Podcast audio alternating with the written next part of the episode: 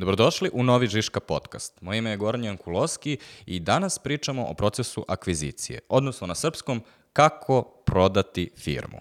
U gostima mi je Jovan Zdravković koji je bio osnivač i vlasnik Java Coffee, a danas je Java Coffee brand u vlasništvu Strauss Adriatic koji je i sam umeđu vremenu prošao svoj proces akvizicije i spajanja sa Atlantic grupom. Java Coffee je prva veleprodaja koja je počela sa specialty kafom, što dođe kafa koja je 100% arabika i ocenjena je jako dobro po određenim skalama. Java Coffee danas planira da postane regionalni lider u premium espresso kafi. Sa Jovanom smo dakle pričali kako je bilo prodati Java Coffee Strauss Adriatiku, ali i uopšteno, kako uopšte izgleda prodati firmu generalno. Zašto bi neko to uradio? Zašto ne bi neko uradio? Šta su neki strahovi koji se jave kod prodaje firme? Ali ako se već odlučite, pričali smo i o tome kako pronaći prave, prave partnere, kako pronaći prave savetnike, kako proceniti firmu i šta radiš jednom kada je zaista i prodaš. Očigledno, ako imate svoju firmu, onda poslušajte ovu epizodu da vam malo pokrene razmišljanje.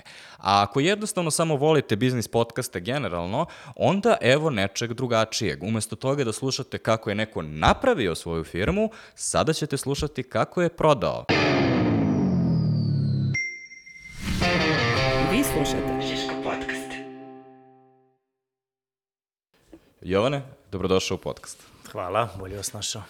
Um, kada smo se prvi put susreli, uh, bilo mi je fascinantno uh, da pričam sa nekim uh, ko uh, je, onako kako ja to gledam, izašao iz biznisa. Jesi ti izašao iz biznisa? Pa može se reći izašao istovremeno, ostao ovaj, da uživam i po znaci navoda kontrolišem ga, ali da, desila se ta prodaja koja je ovaj, definitivno za nas i po meni ovaj, bila dobra stvar i u pravom momentu. Da li možeš da objasniš šta znači uopšte prodati firmu? A šta znači prodati firmu ako ti i dalje dođeš danas na podcast, doneseš mi Java Coffee kesu, u njemu je Java Coffee, imaš Java Coffee lonče, mi se nalazimo u Java Coffee kafeteriji, ti i dalje radiš za taj brand, šta si onda prodao? Ovaj, da, pa mislim da je prosto rečeno ovaj, unovčio i prodao ovaj, devet godina naših života, ovaj, što nam je trebalo da dođemo do do nekog, da kažem, kvaliteta, prepoznatljivosti, ovaj, kvantiteta, na kraju profita. Ovaj, mislim da, da nije neobično i da većina ljudi koji urade prodaju ostanu u nekom vidu da pomognu ili u tranziciji te firme ovaj, na novog vlasnika ili da nastave da vode, razvijaju tu firmu, što je sa nama slučaj, gde nama želja da, da i dalje ostanemo uključeni ovaj, sa više resursa i boljom podrškom ovaj, da se bavimo bitnijim stvarima, kvalitetom, prženjem ovaj, samog proizvoda i, i nije mi neobično, onako mi je nekako bila prirodna uloga i, i ovaj, samo je teklo, kažem, ovaj, taj, taj deo od prodaje do tranzicije, evo sad dovođenja te, te isto, tog istog brenda. Dalje ga smatram svojim i dičim se, ponosim. Uh, postoji dobra stvar u celoj toj prodaji i akviziciji gde smo mi zadržali pravo da na ime brenda za maloprodajne objekte gde želimo da razvijemo ovaj, par kafeterija reprezentativnih gde ćemo ovaj, pokazivati, pržiti ovaj, tu istu našu kafu ovaj, dalje, tako da mi onako prirodno i, i normalno. Ja mislim da ono što buni običnog čoveka uh, je ti odeš u Maxi, ti odeš uh, tamo, uzmeš sok, ku, ovaj, ostaviš pare i imaš ceo sok. A kada prodaješ firmu, stvari su mnogo, mnogo komplikovanije. Hajde da počnemo od toga da pokušaš da nam predstaviš šta je Java Coffee bio u trenutku kad se desila ta akvizicija. Java Coffee je, da kažem, 90-95% ovaj, u tom momentu bio ovaj, e, veleprodajni uh, sistem za distribuciju, prženje i distribuciju kafe, znači mi smo proizvodnja koja je došla do ovaj, kritične mase svojih kupaca sa ovaj, rentom opreme ili ti e, korišćenje naše opreme, tako espresso aparata, mlinova, gde su oni koristili našu kafu. Znači, ja kažem, 95% slučaja je, 90% je core biznisa je prženje veleprodaja kafe, mi imamo uh, dodatnih nekih uh, sadržaja kao su, su, su oprema za kafu, čajevi, čokolade i tako kažem neki dodaci, Coffee Plus program, kako ga mi zovemo, ali 95% je veleprodaja espresso, pržene kafe, bitan je, izraz je specialty coffee ili ti e, kafe koje su tres, traceable ili ti sledljive, e, grade, to je ocenjene više od 85 bodova, 100% arabike, nešto što nije baš bio slučaj, naravno radili su ljudi pre nas za sebe, ali nije bio slučaj da pokušavaju, ajde da kažem, ja mislim da smo mi uspeli da, da to uradimo u veleprodaju. I sad kako ja to zamišljam, jedna mala kompanija uh, pokušava da napravi nešto na tržištu i onda dolazi taj ogromno čudovište koje se zove Strauss Adriatic i šta oni kažu? E, bil, imali smo čak par razgovora i pre Strauss Adriatica sa par firmi. Ovaj, mi smo onako e, po, polu ludo, da kažemo, na muda, polu, kako se zove, a, to što smo bili tvrdoglavi i onako malo što smo prepoznali tu taj neku rupu na tržištu gde se niko ne bavi ovaj, ovaj, nekom kvalitetno, malo skupljom, da kažem, kafom i proizvodom koji je onako malo teže održati, objasniti, distribuirati potrebne dobra, obuka, dobar lanac, sve, sveže pržena arabika je neka reč koju smo se mi držali i to trebali da ispoštujemo. E, prvo su, no ja mislim da su nas se smejali, pa smo ih posle malo nervirali, ovaj, pa posle su onako verovatno krenuli da nas cene i onda na kraju moja procena je bila da ni oni nisu verovali da može da se taj segment, da kažem, e, samo 100% arabike ili ti kvalitetne kafe izdigne toliko, ovaj, i da su rešili da napravimo neku vrstu saradnja, da kažem, e, drago mi je što je to prepoznato, drago mi je što smo možda nekog, u nekom momentu nervirali, ali takav je posao. I šta je sad, e, šta se desilo? Šta, e, ti si mi u jednom trenutku u pripremi rekao a seed deal, je li tako? Jeste. Šta to znači? Mi nismo prodali firmu kao takvu, firma je dalje u našem vlasništvu i ostali su nam ti proizvodi kao što su čajevi, tople čokolade, ovaj, obuke barista, neke usluge koje nisu bile deo dila, imamo neko biljno mleko i tako dalje. Mi smo prodali faktički tržište, ugovore, osnovna sredstva i taj naš logo, žig za vele prodaje, je tako?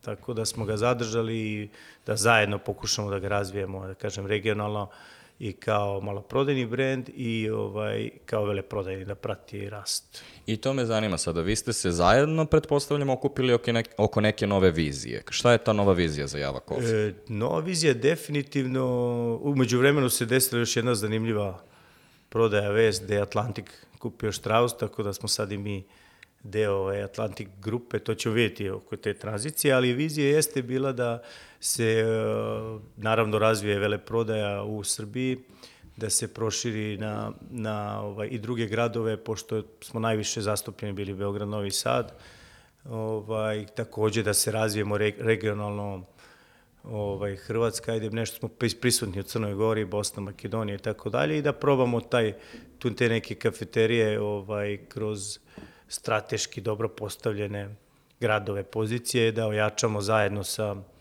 ovaj pričom veleprodaje. Da li je to najčešći razlog za prodaju firme? Barem meni deluje da jako puno priča počinje sa tako mi smo napravili nešto kvalitetno, ali sada nam treba neko ko će to da raširi po regionu, da ovaj, uvali u, ono, da, da uh, dođe do mnogo većeg Jest. broja kupaca.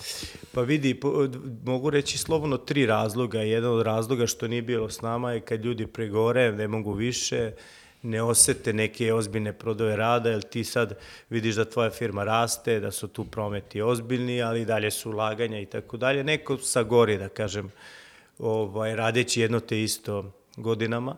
Mi smo uživali, pravo ti kažem, u celom tom procesu i, i ulaganjima, investiranjima, da gledamo kako to naše ovaj čedo raste, ali ovaj drugi razlog jeste sigurno da se dođe do momenta gde ne možemo mi sve da znamo, nismo bili prepometni da se školujemo, gde smo mi odlučili da to možda nije naš džir na taj način, ovaj, da će zaposliti finansijskog direktora, direktora nabavke, da ćeš imati ovaj, radnika koje ne poznaješ, onako malo nam je to bilo strano, vodili smo se ovaj, onako da nam bude i dosta zabavno, da bude prijatno tim ljudima koji rade, mogu slobodno reći, ovaj, nadam se da, nam ne, da me neće demantovati, ovaj, nisu nam ljudi odlazili, ostali su s nama od početka do kraja i oni su deo, ovaj, da kažem, te priče. Ponosan sam što su, ajde da kažem, izgurali tu priču s nama.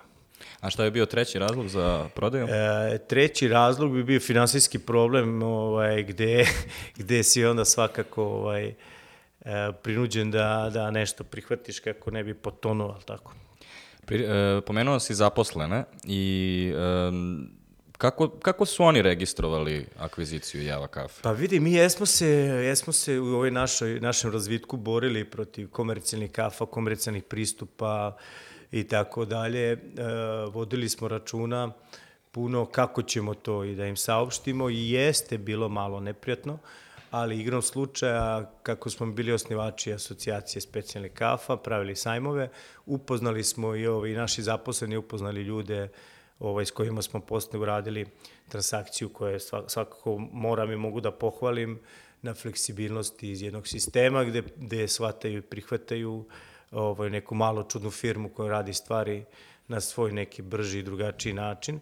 Tako da je taj deo po meni prošao onako dosta uspešno. U stvari, cela godina ova, sad kad se okrenem, ovaj, je, je dosta, dosta bez nekih potresa, što, na, što reakcije na tržišta. Mi smo se stvarno potrudili i uverili ljude da smo mi tu i dalje, ostajemo tu i dalje i bitan deo da ljudi koji su radili, kod nas su tu i dalje. Znači, otprilike kupcima našim celom tržištu se ništa nije promenilo, to je bio deo dila koji, hvala im, je ispoštovan, ovaj, s tim što smo dodali samo, ajde da kažem, bolje servisere, ovaj, bržu dostavu i tako dalje, ja kažem, da, da ne pričam dalje o, o dobrim razlozima, ali ti koji su nas plašili, e, mislim da je urađena super tranzicija, samim tim i radnici naši su nekako prihvatili da je to deo života i posla i tu su s nama i dalje. Da li postoje neke stvari koje su za Java Coffee veoma specifične, koje ne možeš baš da objasniš ljudima? Daću ti primjer iz uh, Žiške. Ove, mi imamo neki taj sastanak gde svi ljudi koji se bave kreativom, a ove, mi verujemo da su to svi ljudi u agenciji, znači bilo ko može dođe na taj sastanak i onda oni uh, smišljaju kampanje koje niko nikad neće videti, znači ne za klijenta, nego ono, igraju se bukvalno i mi mislimo da je to i još gomila stvari koje mi radimo neophodno da bismo mi napravili neku kreativu. Kada bih ja morao da odem pred nekog finansijskog direktora i kažem mu, ne, ne, veruj mi, za 20 godina će ovo biti isplativo ili tako nešto. Jel postoji nešto tako što misliš da je to ovaj secret sauce koji ovaj, ne... Što je kod nas, secret sauce je nekako takođe između mene i mog partnera, ajde sa kažem i kuma Miloša, su se stvari slagale nekako prirodno.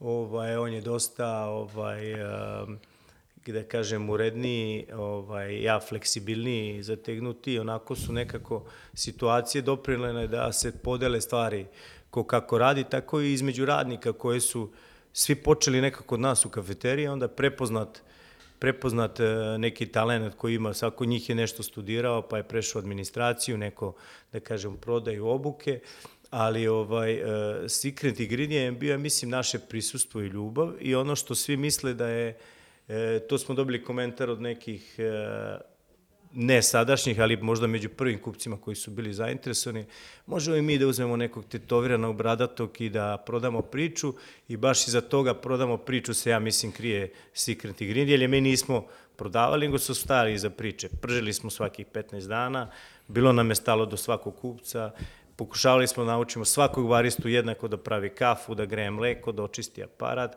Svakom smo se javljali na telefon subotom, nedeljom, pokušali da mu rešimo problem. Ako je zaborio da naruči, ako mu je crkao aparat i tako dalje. Tako da nismo prodavali priču, nego smo živeli i stajali iza toga. Ja mislim da je to jedini način uopšte da bilo šta se napravi uspešno za ovo. Jeste, svako od nas ima neki svoj šarm, način komunikacije, rešavanja, ali ovaj, osim tog personal toucha, mislim da je ovo najvažnije.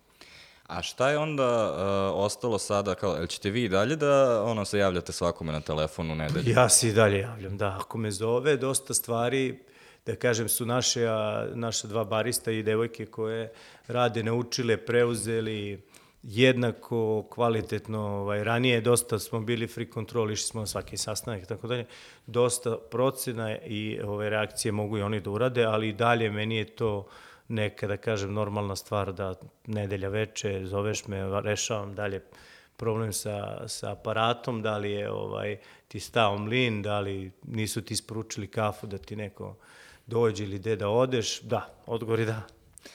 Šta onda ostaje, ovo je jako glupo pitanje, pazi, pitam te, šta je firma? Znači, e, da li je firma onaj papir koji dobiješ u APR-u? Da li je firma vas dvojica i ako se vas dvojica ne javite na telefon, mlin staje i Java Coffee više ne postoji, ili je e, firma ti vaši ljudi koji se ovaj, e, javlj, ono, koji rade ovaj, po tom po- sistemu koji ste napravili? sve, ali ako bi morao da ovaj, poređam, naravno prvo moj kum i ja i onda naši zaposleni. Mislim da firma, nebitno kako se zvala i nebitno odakle stiže faktura, ako ti ljudi nisu tu koji, ajde kažem, od prvog dana to doživljavaju kao svoje, verovatno će i sam utisak da se promeni. Tako da ja mislim da mi smo najvažniji. Skromno. Hajde da pređemo onda na to kako uopšte dođeš do uh, akvizicije i prva pitanje koje me zanima je kako uopšte pokreneš taj razgovor. E, mi smo kroz, e, ajde kažem, nismo ovaj, toliko pametni bili, ali smo se družili s pametnim ljudima, to su nas naučili uvek druži se s nekim uspešnim, ovaj, gde, smo, gde smo čuli da ne treba da se vezuje I ovaj, ja sam uvijek imao neku teoriju, sve je na prodaju, osim žene, dece, ajde da kažem. Ovaj, I time smo se vodili da kad dođe prava ponuda, maštali smo kao svi klinci, u, samo da dođe milionska ponuda, mi smo, kako se zove, to prodali. Imali smo mikrociljeve, tako, prodati tonu, prodati dve, prodati pet i tako dalje, ali smo u podsvesti svesni bili da ne, ne, neka prava nagrada je tek posle prodaje ili akvizicije. I kažem, ne kažem da se mi spremali, ali smo očekivali da će se tako nešto desiti, pošto smo rasli svake godine, napredovali, ljudi su bili sve zadovoljniji i zadovoljniji. Ovaj, u nekom razgovoru smo rekli, pogotovo ja mom kumu, rekao, nemoj se vežujemo, nije ovo naše dete, ono što sam spomenuo par puta, gde smo ovaj, odmah se usaglasili da ako se to desi, ovaj, prihvatamo, nismo, nismo ovaj, imali određenu cifru u glavi, ali smo imali minimalnu cifru ispod koje nećemo, jer, da kažem, reputacijski to je nama bilo zadato da, da ovaj, sami sebi da nešto uradimo po tom pitanju. E, opet iz priče s pametnim ljudima znamo da je, čuli smo da firma bude u piku 7. 8. 9. godinu i sve prvi ti rumorsi su i krenuli, ljudi su krenuli da prilaze nama i da nas pitaju, da kažem, da li bi, kako bi i tako dalje. Tako da je ozbiljno razmišljanje nastalo tu negde oko 5. 6. godine našeg rada, gde su ljudi hteli da se spoje, uzmu nas, različite vrste dilova, naprave da nastavimo zajedno, da nekog, da kažem, eliminišemo i tako dalje. A jeste zbog toga imali manju motivaciju da dolazite na posao? Znaš, ono kao e, lik koji prodaje automobile na autoplacu, pa onda ima onaj jedan koji čuva Da. za sebe, taj će da ostane da, u kući. Da. Ne, ne, ja imam teoriju, ja nikad nisam imao motivaciju i nisam ovaj, ovaj čovjek za kancelariju i to moj kum, hvala mu, me podržao i razumeo, on sasvim obrtno, on je uvek imao motivaciju da bude tamo, da, da isprati, da odsedi, da je tako dalje, ali ovaj, glavna motivacija je bila da nađemo dobar restoran blizu, da možemo zajedno da odemo na ručak svaki dan kao tradicija. Ali nije, nije se gubila motivacija šta više, ovaj, nekako smo imali taj cilj, sad zvučim kao ovaj, mindfulness ili kako se zove ovaj motivacioni, ali jeste kad imaš neki popularno u cilj, podcastima, jest, odlično. jel stvarno, e, imaš neki cilj i kad ga zamisliš i kad ovaj guraš ka tome, sve ove prepreke koje ti nailaze su, ovaj, kažeš, usputne i čekaš nekako taj unutrašnji osjećaj. Možda je to ovaj, odgovor na ono prethodno pitanje koji je to ovaj, secret ingredient, ovaj, je da, da smo mi stvarno verovali, ja sam to malo grublje definisao, verovali da smo posebni i da ćemo nešto napraviti i da ništa ne brini, vidjet ćeš ti, iako nismo znali konkretno šta će to trebati da se desi, ali jesmo, ovaj, kum i ja često pričali ovaj, da nas čekaju neke velike stvari, eto.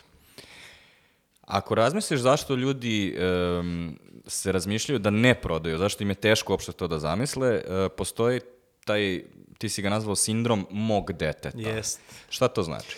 Pa ja mislim da je ljudima teško kad stvarno, realno, kogod je pokrenuo nešto svoje i kogod je ovaj, uložio, ja kažem, i novca i najviše vremena i subota, nedelja, vikenda, neviđenja sobstvene dece, partnera, roditelja i tako dalje, da ne može da se otrgne i pusti. To je, mislim, sindrom kad dete treba da ode u školu, na fakultet, pa je tebi teško, kažem, da moraš da ga pustiš i gnezda.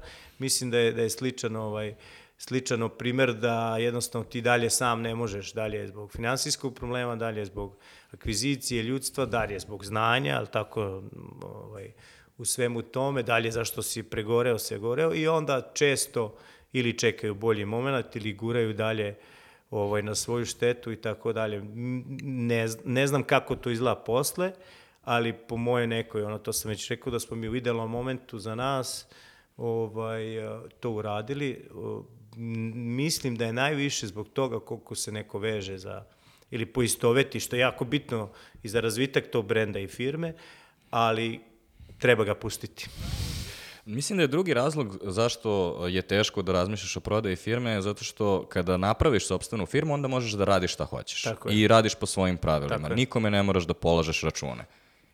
Da li Šta ti posle? sada moraš da radiš po nečijim tuđim pravilima? A, prva stvar pre pregovora i potpisivanja, a ja sam rekao, ljudi, ja ne mogu da nosim odelo i dolazim u kancelariju, da ne pričamo mi dalje.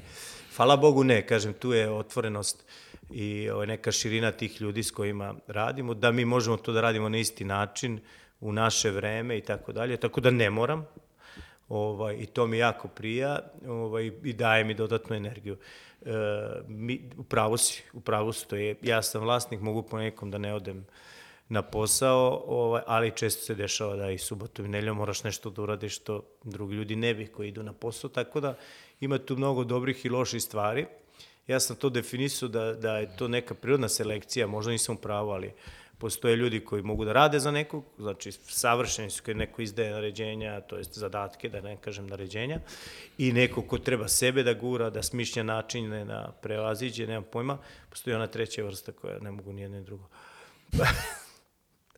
Ali ovaj, ja sam ovaj, uvek mislio, meni se Miloš, aj često ga spominjem i žena, kako se zove, ti misliš da sve znaš, u principu uvek krećemo od toga, ja sam najpametniji, ja bi to najbolje, sad u, u nekim slučajima sam u pravu, a onda kad pogrešiš, opet, bar sam sam, da kažeš, sjebao, pogrešio, pa sam pao, sam se ubio, je. A, Treći razlog koji e, ljude e, sprečava da razmišljaju, odnosno šta ih brine kod akvizicije, je što ne znaju šta će oni kada prodaju firmu. Šta posle, jest, da. jest.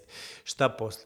E, da se ne brinu, najčešće budu uključeni dobar period vremena, kažem dve do tri godine, nekad i pet, ovaj, u samu tu tranziciju. Mislim da je tu najteže kao nešto moje, pogotovo ako to nešto tvoje krene da ide u nekom smeru u kojoj nisi ti. Drugo je sad, je tako, višak vremena ili nečega što... E, ja sam to shvatio kao novi izazov. Prvo sam shvatio kao neki dar da, aj kažem, uradim neke stvari koje si propustio najviše u odnosu sa sa porodicom ili ne znam nije, ovaj, prijateljima ili sebi da ispuniš neku želju koju nisi mogao ovaj, ranije, da li zbog novca, da li zbog vremena, ali tu je, ja mislim, i čar da je, ko je preduzetnik ili kako ga zovu englejovi, amerikanci, interpretur, je rekao ne, ne izgovara se tako, ovaj, da pokreneš nešto opet. Mislim da ce, taj, sad kad se okrene malo, da cela ta, u stvari, put i ta vožnja da je nama bila najveći hype, ovo je došla kao neka nagrada, što je super, ovaj, ali mislim da, da cela ta vožnja pokreće preduzetnike i da, i da kogod je u duši preduzetnik naći će nešto novo što će ga pokrenuti da, da iz početka da radi nešto. Eto. A, imam sad jedno pokeraško pitanje. Um, da li je ovo bio trenutak kada ti povučeš čipove i odeš sa stola i da, kako znaš kada je pravi trenutak za to? Jer ako neko želi nešto od tebe da kupi, taj neko to verovatno želi zato što misli da će više zaraditi nego što ti možeš da stvoriš, a ti opet kao preduzetnik konstantno misliš Da, još mis- malo, još da. malo, jeste. Ovaj, e, nije jedini razlog da će više zaraditi. Ovaj segment je, da kažem, fali ovim firmama ovaj, koji su onako napravili imidž komercijalni gde, gde su ušli Atlantiku i, i ovaj, Strausu, koji su se, spomenuli smo, spojili, ovaj, ali, ali taj moment je, ja mislim, za, za, nas bio, za nas bio neki procena pika firme ili ti vrhunca firme sa ovim zaposlenim, ovim načinom poslovanja. Mislim da je nama sledila ozbiljna reorganizacija u kojoj nisam siguran, to je siguran sam se ja ne bi snašao poneljkom sa finansijskim utorkom, sa HR-om, sredom, sa, ne znam, timom prodaje iz juga, pa ne znam ovaj kako se zove, ni ovaj kad dolazi.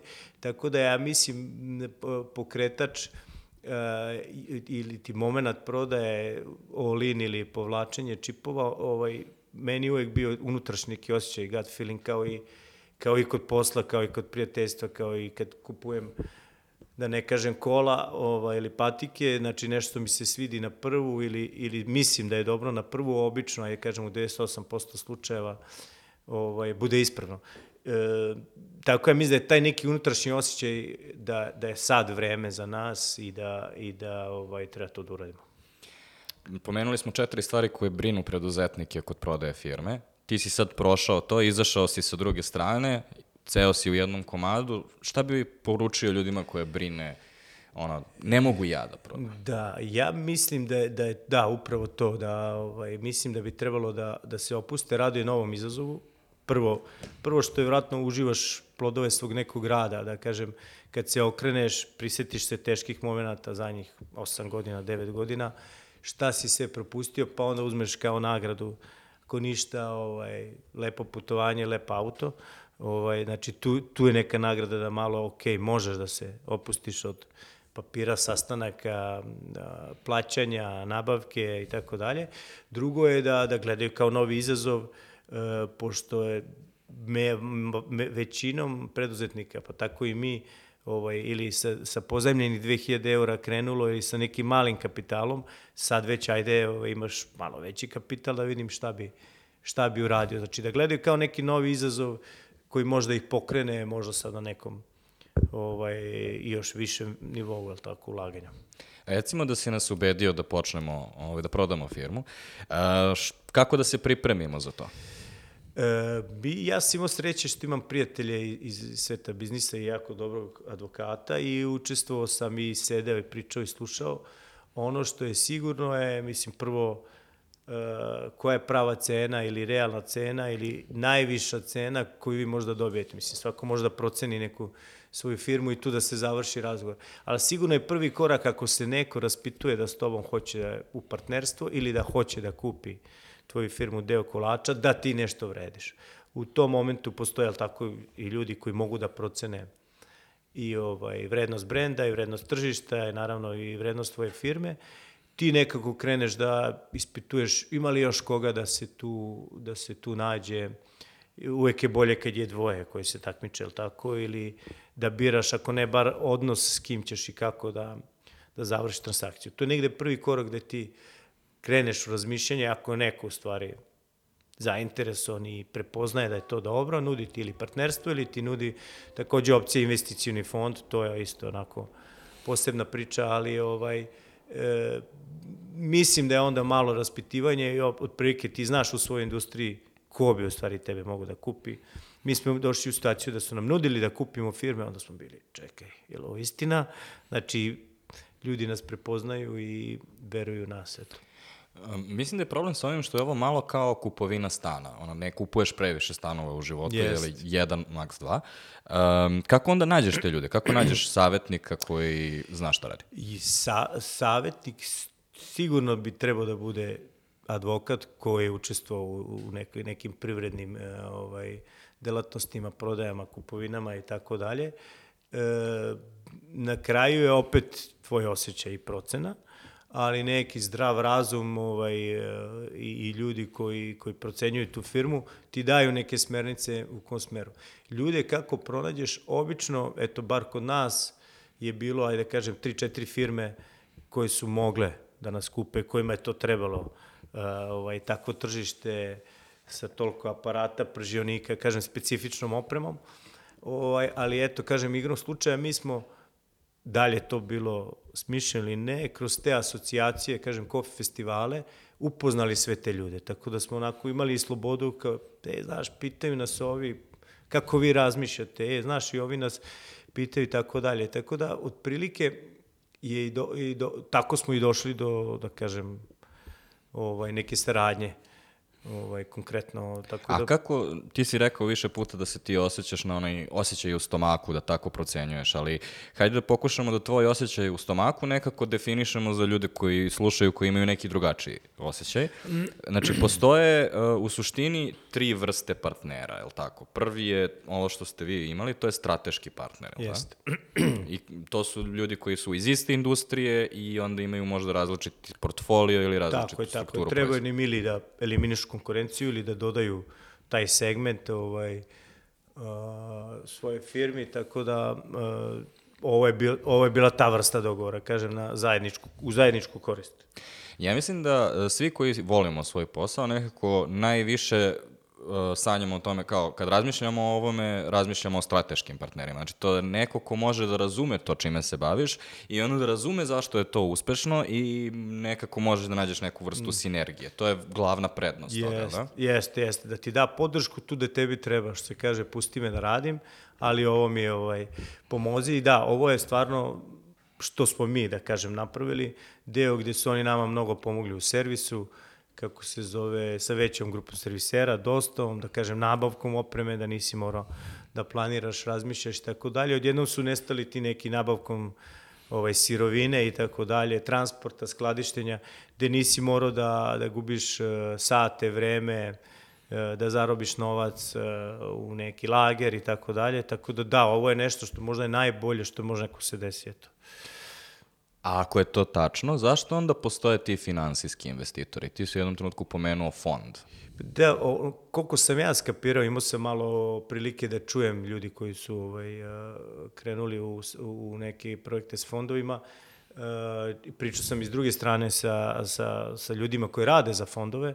Ovaj, oni investiraju, na primjer, na 10 različitih strana, određenu sumu novca i njima je bitno, da kažem, da svaka, svaka druga ili svaki peti u toj sumi novca napravi, multiplikuje to ulaganje i oni su dobri. Tako da oni to baš gledaju matematički. I oni baš gledaju da te promete podignu na bilo koji način što pre da bi opet prodali nekom ovaj kroz ovaj izveštaj. Tako Da li je to malo znači da, surovo. da li to znači da ja imam veću slobodu da guram svoju viziju kroz finansijsku akviziciju u odnosu na stratešku? Znači, Apsolutno. strateški moram s nekim da se poklopim, a ovde me ostave na miru, dokle god im da ostavim pare, ja sam okej. Apsolutno. Dobro, sad, za, zavisnosti kakav deal bude, ali ovaj, kad je, kad je investicije fond u pitanju, onda je svima u cilju da se to što pre i što više razvije i proda i tako dalje. Obično, obično je to već na nekom onako već sre- srednjem nivou sistem razvijen da tu nema puno da prostiš šta da se zezne ovaj, treba samo pogurati sa, sa lovom, lokacijama, nekim vezama i tako dalje. Nji- Koliko ja znam, ti finansijski fondovi obično imaju neke um, već postavljene ciljeve i um, ono, visine KPI-eva je. koje ti moraš da dostigneš. Ja sam video neke prezentacije vezane za, Za marketing. Ne, za marketing. Video sam, ovaj, um, ovaj kolega mi je poslao, Mhm. imao je razgovor sa jednim investicionim fondom koji se, pazi ovo, specijalizuje za kupovinu različitih agencija. Ove, I onda sam gledao kao šta oni u stvari ove, gledaju kao, recimo, jedna stvar koja mi je dosta iznenadila je, um, za njih je jako bitno kakve ugovore ti imaš. Da li su ugovori na godinu dana, Dugoročni, nemaš tako ugovor je. ili tri, Tako je, tri tako je, godine. Gde sam ja u fazonu, ali kao svaki ugovor može se otkaže posle mesec dana i ovaj, ako je klijent nezadovoljan i to piše, bukvalno imaš tamo član 13, ovaj, tako da ne znam što toliko insistiraju na tome ili bar meni u mojoj glavi to deluje kao da je malo drugačije nego što ovaj, očekuju. Um, I postoji treći način, a, to su individualni investitori, a to su um, ljudi koje sretneš, ali da? Jest, jest. Nisam imao prilike i nisam to pokušavao, ali da, ovaj, ima različitih primjera, naravno uvijek zavisi od, od ovaj, čoveka koji je tu ušao, da li je neko razuman i očekuje povrat novca za tri godine, za pet, za sedam, da li želi da se meša. Mislim da tu najveći problem može biti da neko želi sad, e, ovo je moje, da ja dam ovaj, svoje mišljenje, ovaj, naravno, e, bilo bi dobro kad bi individualci pogotovo imali svoj neki posao, bi bio neki dodatni prihod i ulaganje gde ne želi ili želi da te vidi jednom mesečno ili jednom godišnje, ali koliko sam ja čuo u praksi, mi nismo pokušali baš iz tog razloga, uvek neko želi da da svoje mišljenje, da se umeša, opet ne mogu da krivim ljude ulažeš u nešto, misliš da ti možeš bolje, ali generalno mislim da je to najlošije rešenje, ali opet ljudi kad su ovaj u problemu ne pitaju, ne pitaju mnogo, a kad ide dobro, onda možda greše pa kažu, e, možemo mi to sami, pa nekad zagrizu više nego što mogu da sažvaću. Evo recimo, e, ja imam jednog kolegu koji je započeo svoj biznis uh, u saradnji sa individualnim investitorom, ali uh, oni su započeli biznis. Znači, oni Partneri su već Tako je, da. I uh, ja mislim da oni nisu imali ništa s čime su mogli da izađu pred, individu, pred finansijskog investitora, jer još uvek je to sve samo biznis plan. Plan, da, da. I onda u tom trenutku mislim da individualni investitori verovatno jesu neko ko je toleriše mnogo veću količinu rizika i ko može da uh, razume viziju i da u slučaju da si ti biznis koji veruješ da će se skalirati, ne znam, 10 puta u narednih 5 godina, možda individualni investitori, pod uslovom naravno da su razumni i da razumeju tu priču, mogu da budu dobar, dobra Dobar, opcija. jeste. Naš partner, naš partner u Crnoj Gori koji radi distribuciju ima takvog, takvog čovjeka koji je, da kažem, razume i razume, ima svoj biznis i ovaj, da kažem, eto, ima i primjera za poželeti samo ovaj, koji se ne meša u, u samo vođenje operativu, niti ga zanima ovaj, i ne očekuje da će povrat da se desi za godinu dana ili tri, ovaj, veruje u nešto što, što je ovaj drugi zamislio, tako da postoje svetli primeri. Mogu slobodno reći, evo, i moj kum i ja, uspešno smo sarađivali bez ovaj, da se posvađamo, ra, rastegnemo na neke načine. I uvek je bilo da je neko više povuko, uvek je bio da je neko momentu više neko dugovo uložio i tako dalje, radio, ali u svakom slučaju postoje i partnerstva i individualni investitori koji funkcionišu. Iskreno je da mi nismo ovaj, nikad razmatrali u, ovaj, da, da se tako nešto desi. To, to nismo pokušavali. Ovo što ti opisuješ kao osjećaj u stomaku, razumevanje sa ljudima i tako dalje, se korporativnim rečnikom zove poklapanje vrednosti. Dobro. Da li možeš da mi daš, pošto si rekao da ste pričali sa više ljudi, a, da li postoji e, neki taj trenutak koji možeš da identifikuješ kada si video da se vrednosti ne poklapaju? Apsolutno, da, da. Kad smo bili, na, da kažem, na, na da ne spominjamo firme, mislim da je čak od njih bio komentar to, pa kao, ajde, šta sad, mi ćemo, naš, koliki smo mi, malo prvo razgovor sa visine, svaka čast, drugo, pa šta, možemo i mi da uzmemo bradatog tetovirano, kao, ali nećemo, ja kažem, pa uzmite slobodno, nemojte da brinete. Ovaj, neki taj, možda čak senzibilitet ličnosti ili shvatanja nečega što mi radimo, je isto bitan, pa onda ga ja zovem kao osjećaj izunutra, ali znaš, kad neko kapira, vidi iz polja, ne suštinu, što Dule Savić kaže, buba u jagor, ovaj, onda vidim da ne kapira, misli da smo mi bili fora ili hit za jedno leto i tako dalje. Ovaj, to je neki moment, ili kao ne možete vi kad porastete, šta ćete, kako ćete i tako dalje. Znaš, tako da tu negde kad neko možda pojednostavi sve što smo uradili, je bio taj moment da, da preskačemo. Koliko uh, veruješ da je biznis uh, stvar racionalnog odlučivanja, zato što sve ovo što si sada ispričao nije racionalno? Ti tako si igračao na osjećaj i tako dalje. E, d, moja druga strana je dosta racionalna ovaj, što se tiče ovaj, procene ulaganja, to je Miloš. Ovaj, a u svakom slučaju smo, u svakom slučaju smo ja, ovaj, ovo, ovo je onako e, e, kratak opis i moje ličnosti i firme kako sam ja mislio treba da izgleda, ali tu postoji 50%, ovaj, tako da jako je bitno, naravno, racionalna procena. Mi jesmo bili ovaj, dosta konzervativni u potpisivanju i širenju i nekako nam je uspelo da rastemo svake godine 10 do 12%. Ono, to je sad pričamo ovaj, papirima i grafikonima koji su nam pripremili, mi smo znali da rastemo, nismo znali u kojim odnosima i procentima, ali ovaj, smo sebi zadali neke, neke zadatke racionalne da svaki kupac mora bude profitabilan, da ovoga potpisujemo za toliko kila, ovoga za toliko kila, to dajemo za to i to. I dosta smo bili striktni i rigorozni u tim nekim odlukama. I mogu slobodno reći kako smo to postavili u početku, ovaj, naravno uz pomoć ovoga našeg tadašnjih partnera i mog prijatelja Glenn Gregorija, tako smo radili poslednjih dana i onako kad dobiješ ono, ovaj, sportski rečeno tim koji dobija ili vidiš da nešto radi posao, šta god ta je bilo sa ovaj, začinjeno sa njim, držali smo se striktno toga. Pitam Znaš, da za tu da- racionalnost, uh, zato što um, priča koju si ti ispričao uh, dosta liči na ovo što su momci iz kafeterije ispričali u biznis pričama, šta se njima Bravo. desilo sa avijatorom. Ako se sećaš, u jednom trenutku neko je došao sa ovaj, istom pričom kod njih, rekao vi ste momci zaista fascinantni, ali mi možemo da iskopiramo sve to, napravit ćemo slične boje, napravit ćemo isto bradate i stetovirane bariste, sve će, ovaj, sve će raditi super. Dve godine kasnije, kafeterija je kupila avijator. Ono što želim da pitam u stvari je, neko dođe sa strane, pogleda biznis, pogleda cifre, pogleda vaše ugovore i misli da ga razume. I onda uđete u tržišnu utakmicu i onda na kraju se ipak ispostavi da ne. Da, ne, tako je.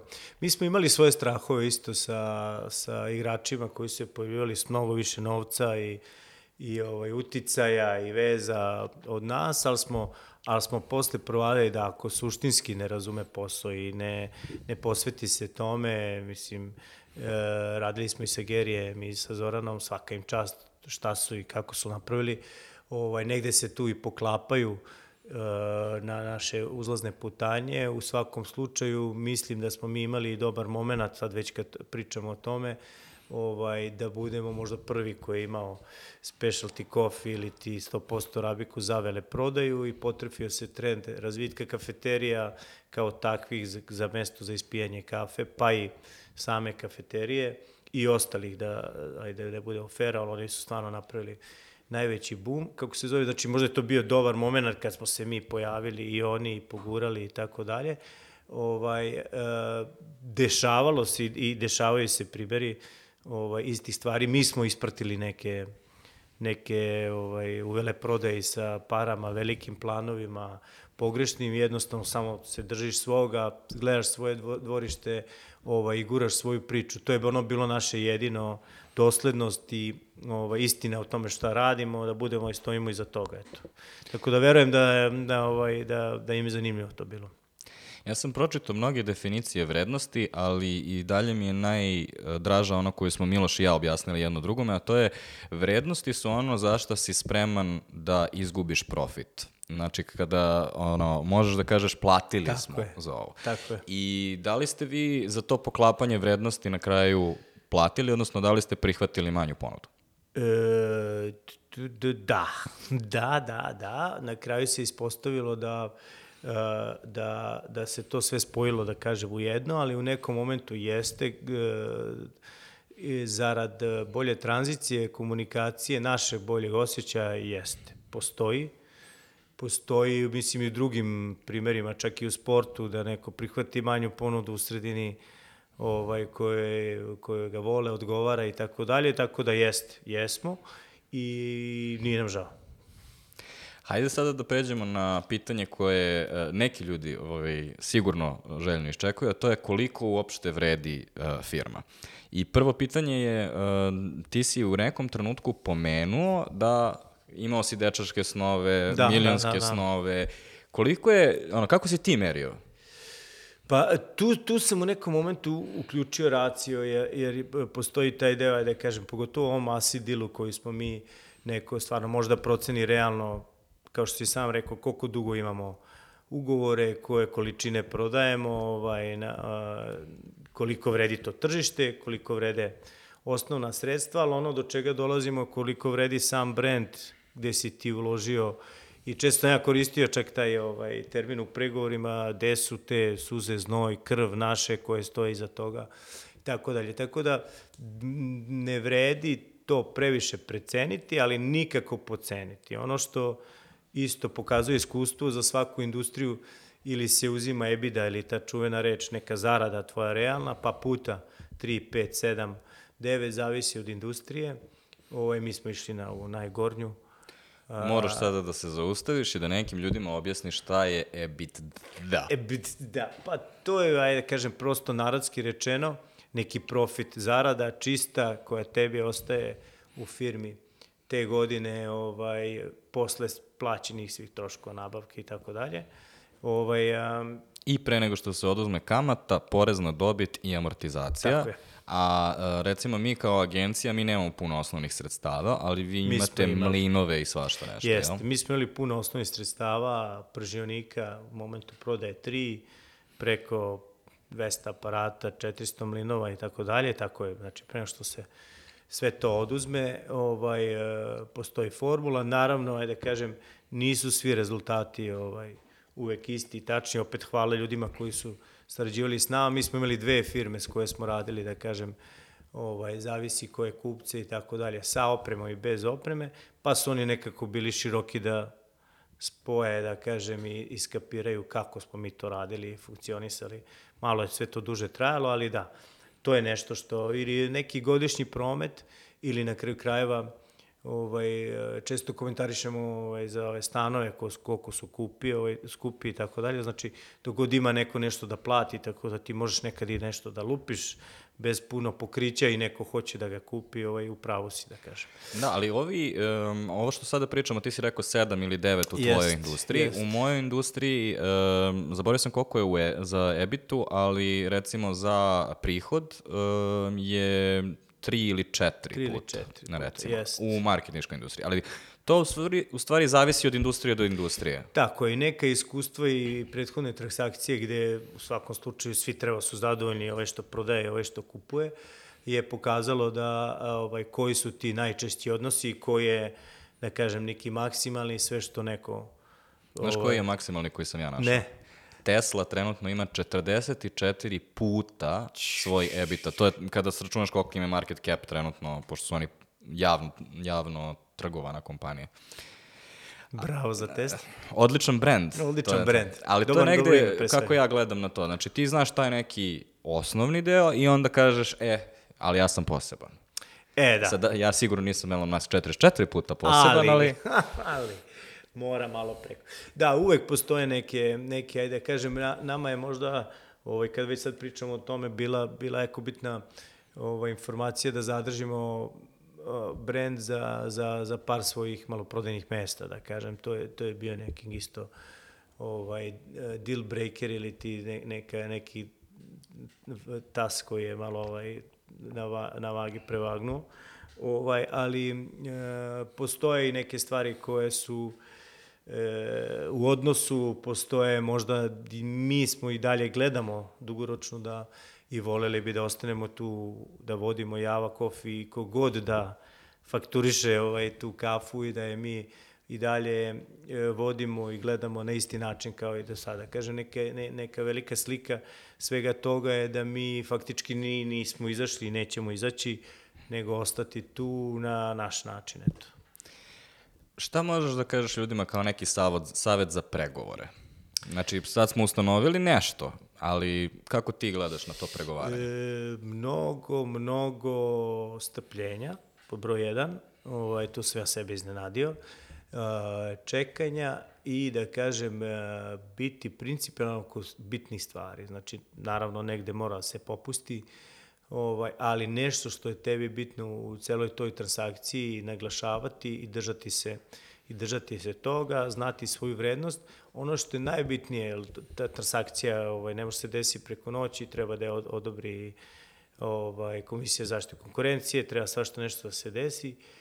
Prvo, ne širiti to, naravno, porodici moraš, drugo, u firmi ne smeju da osete da se nešto, i ti, ti momenti moraš da radiš i više, nikako da se opuštaš i jače i uvek, uvek, uvek dogovoriti neke bonuse koji će tebe pokrenuti u celom tom momentu dok se ne desi transakcija i posle ono što je običaj, to sam isto saznao, da se uvek jedan deo novca sadrži, zadrži godinu dana, dve godine, da se vidi koliko uspešno je. I tu može da se da se gađa ovaj ako neki bonus koji će svima biti dobar, da ti dokažeš da je tranzicija us- uspešna i sebi da možeš da se prilagodiš s tim ljudima. Tako da to su neke dve stvari. Biti principalno oko stvari koje su jako bitne, naravno popustio oko nekih stvari koje jako strpljiv, jako strpljiv, imati dobrog advokata. Mislim da je to jako bitno.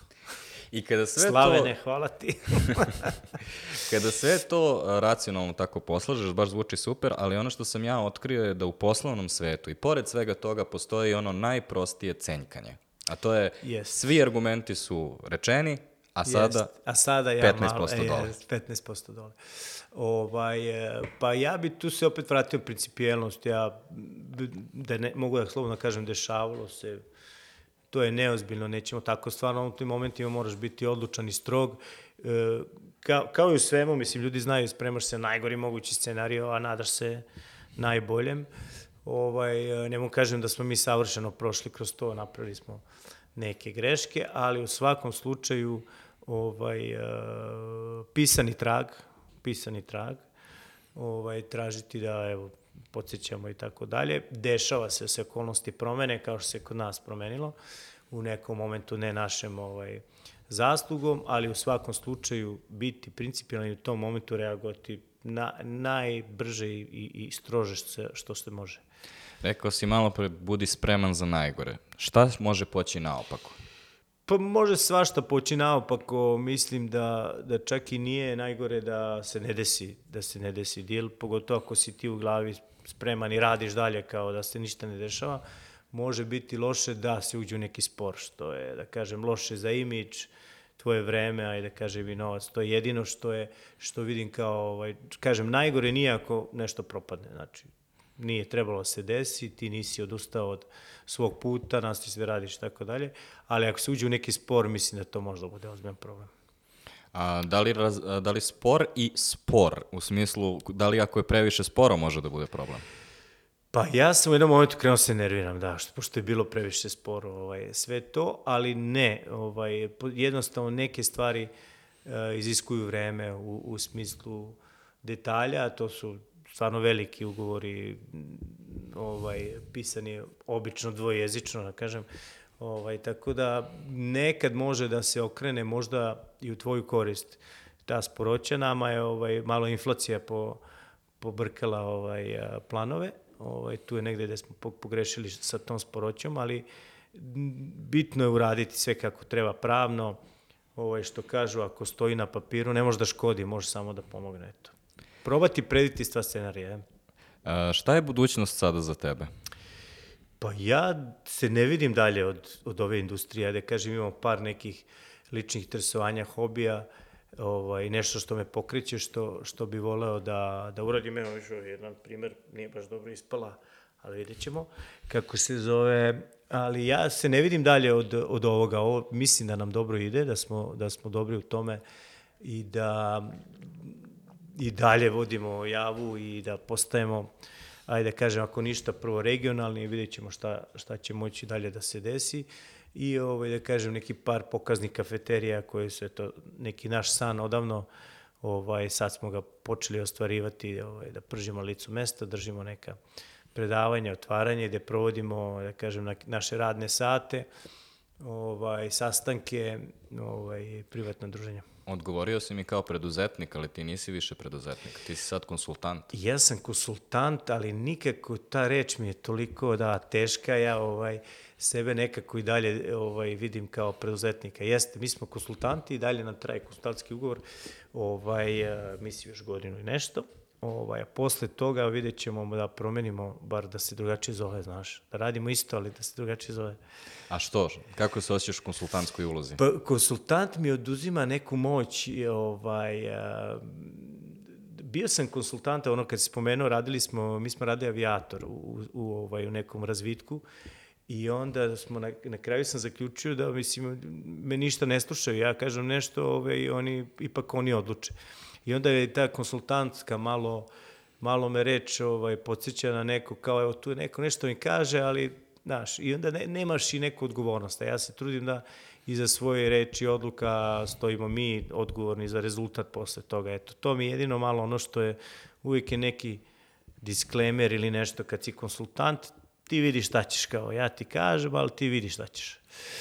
Da, sad ne želimo da otvorimo novi podcast. Novi podcast, da, da, ovaj, nemoj, zato nemoj. što mi se često nalazimo u ulozi konsultanta, ovaj, ali da, totalno poseban um, set problema. Uh, da li možeš ljude koje si zainteresovao sada za, za priču o, o kafi Izvini, izvini još da ti kažem, problem je kad si tu ne, negde, sad nebitno meni nikad nismo ni pisali, ja sam direktor, ja sam finansijski na našim vizitkama, ali kad si nekom i neko je zaposlen, malo imaš veći uticaj na stvari, barem u brzini reagovanja. Ne kažem da nas ne slušaju, ali bi mogao da ubrzam na nivo koji nama odgovara. E, to je još jedna loša stvar. Um, da li možeš da uputiš ljude gde mogu da se um, ona, dalje istražuju o kafi? Dalje istražuju kafi, hvala Bogu, ajde kažem, internet je dosta ovaj, napredovao za sve teme, pa i za ovu. Kod nas, evo znamo sigurno kod nas da će da i po, počinju da bude open day, uh, ili ti otvoren dan za sve, gde će se dešavati eventi po pitanju kafe. Ima mnogo tema, od vode, svežeg zrna, prženja, uzorkovanja, načina Kako ljudi pripreme. nađu to? E, naravno, društvene mreže. Ono što smo mi davno probali je ta neka asocijacija koja po dobrom srpskom običaju krat, traje ovaj, dve do tri godine dok se svi ne isposvađaju. Ovaj, e, mi ćemo pokušati na sve načine, da kažem, ima još par ljudi koji to rade i rade sasvim dobro ovaj, u Beogradu. Mi čak imamo i kurs, može i preko sajta da se nađe ovaj, Java Barista, Home Advanced, ovaj basic e, i za profesionalne radnike, pogotovo za ljubitelje kafe. Hoćemo i pržimo na licu mesta, objašnjavamo celu proceduru. Ako Bog da, bio je neki san da, da pravimo i neki coffee trip u organizaciji ovaj, sa, na primjer, ambasadom Indonezije smo pričali konkretno, gde ljudi mogu da odu i na odmor, a i na plantažu kafe, malo da vide proizvodnju, proces. E, mogu slobodno ljudi, to im nije predaleko, jako lepi sajmovi u Trstu, Milanu, Riminiju, jednom ili dva put godišnje se dešava isto kao lep izlet, salon gastro, gastronomije gde ima poseban odeljak za kafu. Od opreme, ovaj, sirovina, pakovanja, nekih obuka, ovaj, tako dalje. Tako da, e, ako hoće da nauče, najviše će kod nas naučiti, skromno kažem, nek dođu. Hvala ti puno na razgovoru i pripremi. E, srećno sa regionalnim ambicijama za Java Coffee. A, a vi, ako ste došli do ovde, onda vas generalno sigurno interesuju teme iz sveta biznisa. Ako razmišljate da prodate firmu ili uđete u neki proces akvizicije, sigurno će vam u nekom trenutku trebati, to je veoma verovatno će vam trebati i rebrandiranje, pa možete poslušati epizodu broj 187 sa Đorđem Vuksanovićem iz A1. A ako um, ako vam još nešto zanima vas kao šta je ostalo da se kaže u biznis podcastima, pored svega što postoji trenutno na tržištu, poslušajte epizodu broj 144 intervju sa Ivanom Bildijem. Želim vam do slušanja jer podcaste niko ne gleda. Vi slušate